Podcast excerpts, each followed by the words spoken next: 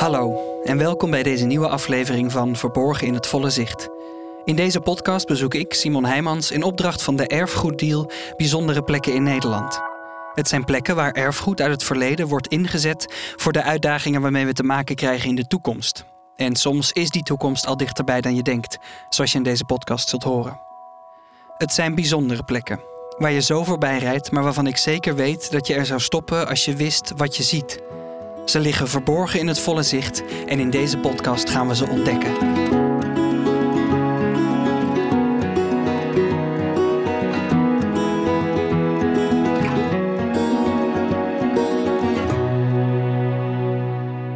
In deze aflevering richt ik me op de historische stadshaven van Maasluis. Daarover heb ik gebeld met Jefta van het programmabureau van de Erfgoeddeal. In uh, de historische haven van Maasluis, wat trouwens echt een uh, prachtig uh, mooi historisch haventje is, liggen een aantal oude sleepboten. Dat is ja, bijzonder erfgoed, want het is echt de geschiedenis van grote bedrijven in Nederland. Maasluis heeft een rijke geschiedenis op het gebied van sleepboten bedrijven als Boskalis. De voorloper van Boskalis is uh. En Smit-Dak die heeft daar zijn basis in Maasluis gehad. Het overgrote deel van die bedrijvigheid is in de loop der tijd verplaatst naar veel grotere havens, zoals die in Rotterdam. Het is stiller geworden in Maasluis. En wat er over is gebleven is maritiem erfgoed. Er gebeurt niet heel erg veel mee, wordt er af en toe gevaren. Er is een soort museumboot maar wat dat betreft is het nog een beetje onbemind erfgoed. En in dit plan willen ze die bijzondere sleepbotencollectie inzetten om ook die stadshaven van Maasluis weer nieuw leven te geven. Meer reuring. En dat is ook goed voor, voor de winkeliers die daar zitten, voor de middenstand. Dus concreet varend erfgoed inzetten om dat centrum van Maasluis gewoon een flinke ja, booster te geven. In dit project in Maasluis wordt dat maritieme erfgoed ingezet voor de toekomst. Deels gaat het om verduurzaming, maar vooral moet dit project weer wat van die bedrijvigheid terugbrengen naar Maasluis. Dus er is niet sprake in de zin van bevolkingskrimp, maar dat centrum van Maasluis dat kan echt wel een opkikker uh, gebruiken. Ik bedoel, uh, winkeliers hebben ook wel problemen om opvolgers te vinden. En ook de vrijwilligers die de historische schepen onderhouden worden steeds ouder. Tegelijkertijd is er geen aanwas van nieuwe jonge vrijwilligers. Daarom wil dit project ook vooral iets gaan betekenen voor het vestigingsklimaat in Maasluis. Dit klinkt allemaal heel abstract, maar het wordt vanzelf concreter als ik Maasluis bezoek. Ik heb afgesproken met Martine van Lier. Ik ben uh, erfgoedadviseur. Dat doe ik inmiddels denk ik zo'n 20 jaar. En dat doe ik uh, eigenlijk als, uh, als zelfstandige. En bij dit project ben ik betrokken vanuit het samenwerkingsverband Erfgoed Kwartiermakerscoöperatie. Martine maakt een zachte indruk als ik haar ontmoet in de lobby van Hotel Maasluis. Maar in haar ogen zit een bepaalde vasthoudendheid. Die is ook wel nodig, want het maritieme erfgoed waar zij zich voor inzet is een ondergeschoven kindje, vertelt ze. Martine heeft vanuit de erfgoedkwartiermakers het plan geschreven voor wat er de komende jaren gaat gebeuren in Maasluis. Het wordt aantrekkelijker om in de gemeente te gaan wonen, het historische centrum te bezoeken en het wordt een plek voor innovatie op het gebied van verduurzaming.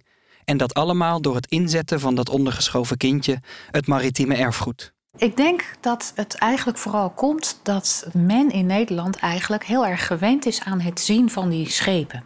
En zich eigenlijk niet realiseert hoe bijzonder dat is. En dat dat er niet zomaar vanzelf blijft. We hebben eigenlijk nooit echt geleerd om er naar te kijken met de blik van dat dat erfgoed is. Juist omdat we gewend zijn het overal tegen te komen, zien we het niet meer. Martine raakte zelf ook maar bij toeval geïnteresseerd in het maritieme erfgoed. Leuk verhaal, veel te kort. Martine rolde jaren geleden via een baantje bij een fietsenmaker in het op maat maken van speciale fietsen voor bijvoorbeeld mensen met een beperking. Van daaruit rolde ze in het uitzetten van fietsvakantiereizen in met name het Oostblok. En dan weer daardoor reed ze in een oude vrachtwagen die niet zo opviel in die landen. Als je naar het Oostblok gaat, kan je beter wagens nemen die daar ja, minder uit de toon vallen. Dus kwam ik bij een oldtimer vrachtwagen uit. Daar heb ik ook een tijdje heel veel reizen mee gedaan. Als ik in Nederland was, woonde ik ook daarop. Nou, dat vond, of in, dat vond men eigenlijk best wel heel raar. Dus dan kom je in de buurt uit van haventerreinen. Want hè, daar gebeuren wel meer dingen die wat minder alledaags op de stoep te zien zijn. Dus daar vallen ze je niet lastig. Van wat kom je hier doen en wat doet die wagen? En goed, nou, toen kwam ik dus in aanraking met schepen. Toen ben ik daar zo over gaan lezen. En toen dacht ik, jeetje, Nederland is een maritiem land bij uitstek. En zo komt het via een hele mooie omweg dat ik hier vandaag aan tafel zit met de erfgoeddeskundige Martine. Ik begon toen toch een beetje te denken: hé, hey, eigenlijk is dat raar. Dat Nederland niet als maritieme supernatie niet meer echt dat varend erfgoed op het netvlies heeft staan. Dat is raar. Maar goed, in de tijd dat er treinen uitgevonden werden, auto's, vrachtwagens, later natuurlijk vliegtuigen, toen is eigenlijk het vervoer over het water is een beetje naar de achtergrond geraakt. Maar het merkwaardige is, nog steeds van de hele Europese binnenvaartvloot wordt 60% eh, geregeld door Nederlandse rederijen. Nederland is nog steeds wereldwijd toonaangevend als het gaat over de superjachtbouw. Nederland is een van de allergrootste als het gaat over baggerwerkzaamheden, sleepwerkzaamheden. Nou, Smit Internationale was een sleepvaartbedrijf. Eveneens uh, deden ze heel veel bergingswerk. En dat zal je straks wel horen als je op de El bent en op de Hutton. Dat bedrijf was in dit gebouw waar wij nu zitten, wat nu het Hotel Maasluis is, gevestigd. Martine zet zich al jaren in voor maritiem erfgoed. En zo raakte ze nu ook betrokken bij de aanpak van de historische haven van Maasluis. Daar is al heel wat maritiem erfgoed aanwezig. Uh, wat er staat, uh, hè, dat is het pand van Smit Internationale, het Sleepvaartmuseum, uh, het Museum Maasluis, een aantal havenpanden die duidelijk gerelateerd zijn aan Maasluis als havenstad. wat er al lag, dat waren natuurlijk de sleepboten, het beurtschip, de reconstructie van de trekschuit. Al die boten, al dat erfgoed, die opereren nu nog los van elkaar. Het zijn losse eilandjes in de historische haven van Maasluis. En ze komen nog niet zo goed uit de verf, uh, niet zo goed als je zou willen. Laten we eens kijken naar een van die schepen. Dat is de Hudson. Ja, ja, ik vind het leuk dat jullie het altijd zo zeggen, Hudson, maar het is voor mij Hudson. Het is gewoon de Hudson. Ja, iedereen noemt het Hudson. Sluis, Hudson, ja. ja. Het is geen Engelse naam. Jawel, het is, wel het, is de Engelse rivier, zeg maar. Ja, maar je zegt hier gewoon de Hudson. Ik zet de Hudson. Ja, de Hudson dus. Het is een van die oude sleepboten die in de haven van Maasluis liggen. Het is een grote ijzeren bak met een plat achterdek waar vroeger de enorme kettingen en touwen werden opgerold, die gebruikt werden voor het slepen van grote pontons en schuiten met vracht. Ik stap binnen over de kniehoge drempel en word ontvangen door Wil en Erik, twee van de vele vrijwilligers die de Hudson in stand houden en zijn bijzondere verhaal kunnen vertellen. Waar begint de historie van de Hudson? Nou, het begint in 1938 eh, met, op basis van bouwtekeningen, uh, kiellegging en dan gaat, wordt het schip opgebouwd. Het is een, uh, een zeesleepboot, gebouwd door Smit Internationale Sleepdiensten. ter water gelaten op 15 juni 1939. Smit was een van de sleepbedrijven uit de hoogtijdagen van Maasluis. Smit was de voorloper van Boskalis, een wereldberoemd sleep- en baggerbedrijf. Het is bijvoorbeeld het bedrijf dat werd ingeschakeld om containerschip de Evergiven los te trekken toen die het Suezkanaal blokkeerde. Tegenwoordig gaat het allemaal met gigantische sleeboten, maar in zijn tijd was de Hudson een van de grootste. Op 6 juli 1939 voer hij voor het eerst uit voor een sleepklus naar Dakar. En daar begint dan eigenlijk een beetje de geschiedenis, want het was uh, een van de eerste reizen ver weg. En uh, tijdens die rit bracht de oorlog uit. Ze waren onderweg met een sleep naar Dakar, die hebben ze daar afgeleverd. En toen op een gegeven moment eh, kregen ze te horen van, eh, ja, komen jullie terug of blijven jullie uh, daar? Nou, toen hebben de bemanning in overleg met de kapitein besloten ja, niet naar huis toe te varen. Eenmaal aangekomen in Dakar was de Tweede Wereldoorlog uitgebroken en dus besloot de bemanning om niet naar huis te komen. Daar in Dakar zijn ze veilig, zou je zeggen. Maar omdat het schip voer onder Nederlandse vlag, kwamen de Duitsers ook daar het schip onklaarmaken. Daar zijn de Duitsers en de Vichy France aan boord gekomen. Die hebben de de machine onklaargemaakt. Uh, de verstuivers gedemonteerd. Maar waren niet op de hoogte van het feit dat een Nederlandse zeesleepboot altijd reserveonderdelen bij zich heeft. Dus nog zijn die onderdelen opnieuw gemonteerd en met behulp van een Brits marineschip uh, kon de Hudson ontsnappen en is zo eigenlijk de geallieerde dienst ingevaren. En heeft daar de hele oorlog ook met één en dezelfde bemanning, onder leiding van kapitein Ben Weltevreden, gevaren en uh, tal van avonturen beleefd. De bemanning maakte de keuze om niet naar Nederland terug te varen.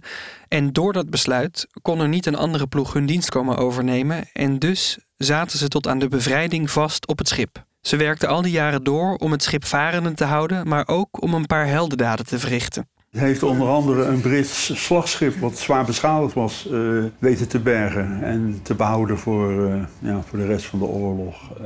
Uh, een van de meest bijzondere reddingen of verrichtingen, daar heeft kapitein Ben Weltevreden ook een, een hoge onderscheiding voor ontvangen. Dat is het wegslepen van een brandend munitieschip uit de haven van Algiers. In Algiers lagen een aantal munitieschepen te lossen en uh, een van die schepen die is door een Engels bombardement in, in brand geraakt. Nou ja, als dat schip daar uh, in de haven was ontploft, dan zou Algiers er uh, nu heel anders uit hebben gezien. Ik ben wel tevreden met zijn bemanning, die heeft weten vast te maken. die heeft het schip buiten gaas gesleept. En twintig minuten nadat er was losgemaakt, is het schip in een daverende knal de lucht ingevlogen.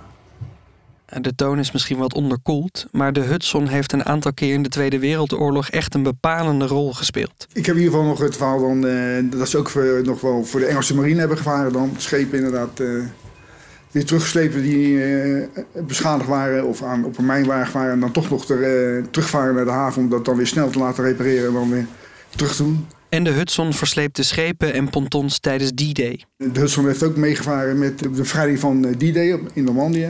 Daar hebben ze met die uh, lopen slepen. Maar ze hebben ook met beschepen heen en weer laten gevaren voor de aanleg van die kunstmatige haven die daar bij Amarantje ligt. Op het schip kun je nu nog kijken naar de hut van kapitein Ben Weltevreden... die al deze heldendaden verrichtte met zijn bemanning. Zelfs zijn pak en zijn pet hangen nog aan een haak. Beneden in de machinekamer waar ooit de gigantische motor stond, die niet alleen het schip zelf moest kunnen voortstuwen, maar ook de sleeplading, is een paar jaar geleden een expositie ingericht over de geschiedenis van het schip. En, zoals het gaat met een schip als dit, vertellen de mannen, is de Hudson toe aan een verfbeurt. Een schip zoals dit is eigenlijk altijd toe aan een verfbeurt.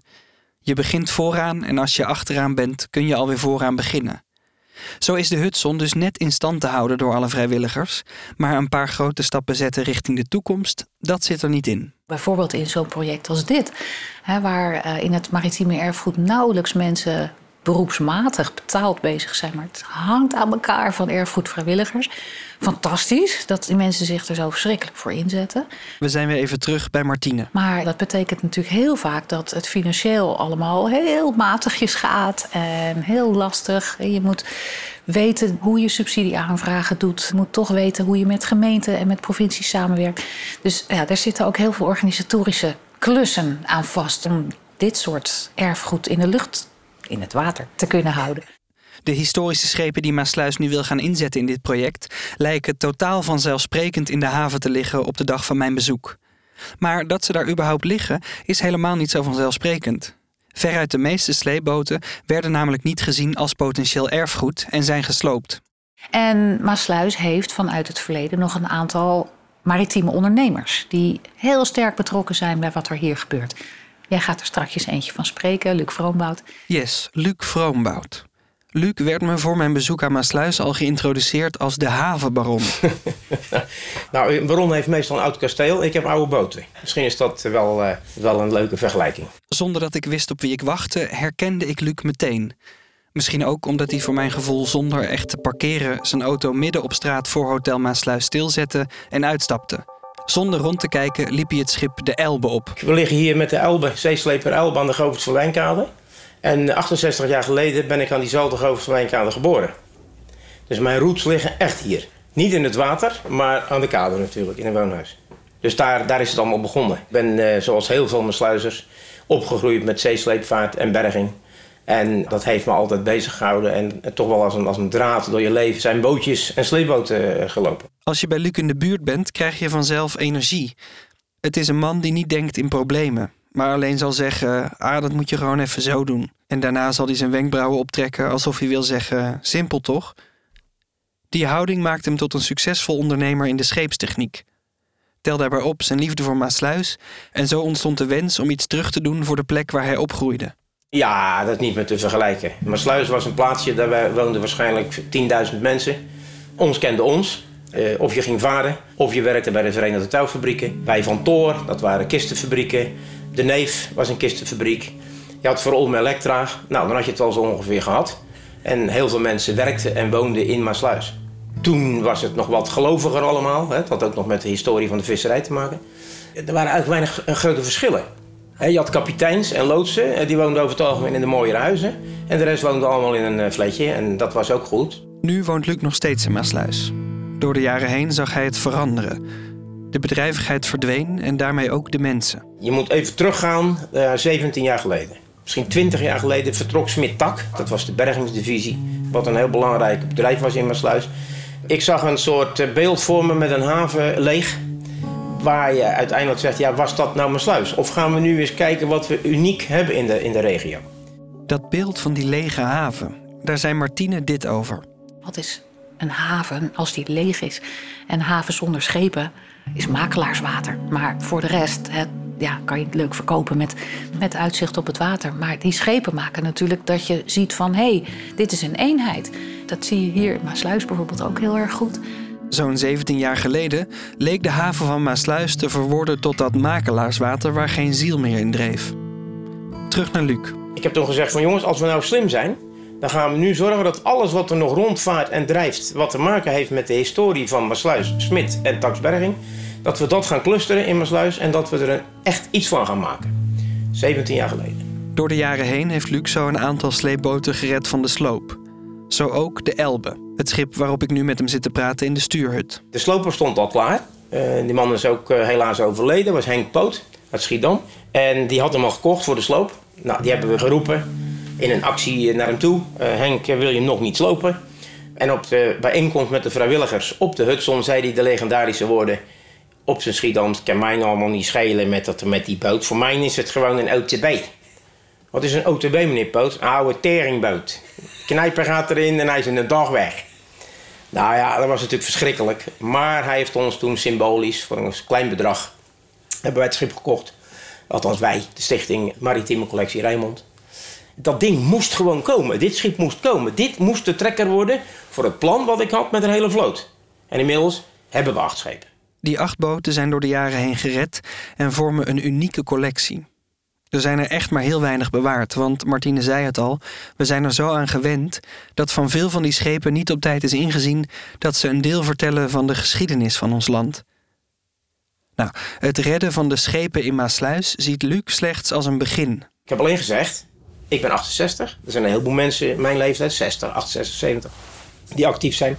Als wij nu niet gaan zorgen dat het behoud van wat we opgebouwd hebben plaatsvindt, dan is het over 10, 20 jaar gewoon weg. Daar komt gelukkig de erfgoeddeal uit. Er is, een, er is een behoorlijk bedrag. Je moet nu nog kijken, wat doe je er nou precies mee? Zowel Luc als Martine vertelden me dat deze historische schepen nog jaren mee kunnen als ze maar verschillende functies gaan vervullen. Ten eerste zullen ze dienen om meer mensen richting Maasluis te trekken. Ik denk juist dat je moet zorgen dat al die mensen ook iets moeten hebben om zich te vermaken. En dat vermaken, dat is niet alleen sport. dat is ook cultuur en dit is erfgoed. Dat is één. Dus je moet zorgen dat je in die verstedelijking, dat je ook zorgt dat er ontspanning blijft. Dit gaan ze doen door alle historische schepen georganiseerd te laten samenwerken. Openingstijden worden op elkaar afgestemd, Informatievoorziening over het bezoeken van de schepen wordt beter toegankelijk gemaakt. En er komt een roulatiesysteem waarin een aantal van de boten in het weekend zullen gaan varen met publiek. Zo wordt het overzichtelijk en makkelijk om een dagje Maasluis te gaan doen. En dat is niet het enige. Milieu, je kan een stoomsleper van 1916 nooit meer milieuvriendelijk maken. Als die gaat eh, opstoken, dan kan je de was wel binnenhalen. Zo was dat en zo is dat en dat zal ook nooit veranderen. Dat is met al die slepers hier. Je kunt daar geen afgewerkte frietolie in gooien, want die motoren kunnen dat echt niet meer hebben. Wat je wel kunt doen, is te zorgen dat als die schepen hier liggen, dat die elektriciteit opgewekt wordt door wind en zon. Als de schepen aan de wal liggen, zullen ze hun elektriciteit kunnen halen uit nieuwe zonnepanelen die komen op het dak van het gebouw naast het hotel waar ik zat met Martine. Hiernaast, naast dit pand, gaan we die neerleggen. Dan krijg je 200 vierkante meter aan zonnepanelen. Dus heel veel. Dat is echt heel veel. En die elektrische energie die slaan we op in een zeezoutbatterij van 20 kilowattuur. Dus dat is heel groot. En dan zetten we hier op de wal zetten we groene laadpalen waar die schepen hun stroom kunnen tanken. Die zeezoutbatterij is typisch zo'n innovatie die zich in de toekomst nog verder moet ontwikkelen, maar die hier alvast een plek krijgt in het erfgoeddeelproject van Maasluis. En daarnaast is er nog meer ruimte voor innovatie. We gaan een living lab op poten zetten. En een living lab betekent dat we in een gebouw, ja, in feite een laboratorium, waar veel studenten aan gaan deelnemen vanuit VMBO, MBO, HBO, universiteit, die hier gaan experimenteren met toepassingen van verduurzamingsmaatregelen die op schepen, maar ook natuurlijk op havenpanden uh, ingezet kunnen worden om die schepen steeds meer te gaan verduurzamen. Havenbaron Luc omschreef het zo. Ik wil een totaal centrum met augmented reality. Uh, wat er niet is in die hal, dat is er wel, maar dan via augmented reality. Uh, maar ik wil ook dat zo'n jongen of zo'n meisje, dat die lekker aan een, aan een, aan een, op een werkbankje, dat ze een printje in elkaar solderen, dat ze de software schrijven en dat er opeens een havenkraantje gaat rijden. Dan ga je ze trekken. Zo komt er in Maasluis met het Living Lab een innovatiecentrum voor de scheepvaart. Dat zal bijdragen aan de verduurzaming ervan.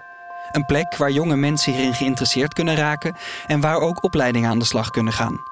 Zo komt er nieuwe aanwas die leert hoe de historische schepen onderhouden moeten worden en meegenomen kunnen worden in de toekomst. En kunnen de vrijwilligers, die allemaal een dagje ouder worden, het stokje met een gerust hart doorgeven aan een nieuwe generatie die Maasluis komt bezoeken, er komt wonen en er komt werken aan een groenere toekomst. Je luisterde naar Verborgen in het volle zicht, een podcast van Simon Heijmans in opdracht van de Erfgoeddeal. Muziek in deze podcast is van Amir Vahidi. De audiomix wordt gedaan door Sam Huisman. Productie en aanvullende montage is in handen van Bengt Kropmans. Wil je meer weten over wat de Erfgoeddeal doet? Kijk dan op www.erfgoeddeal.nl.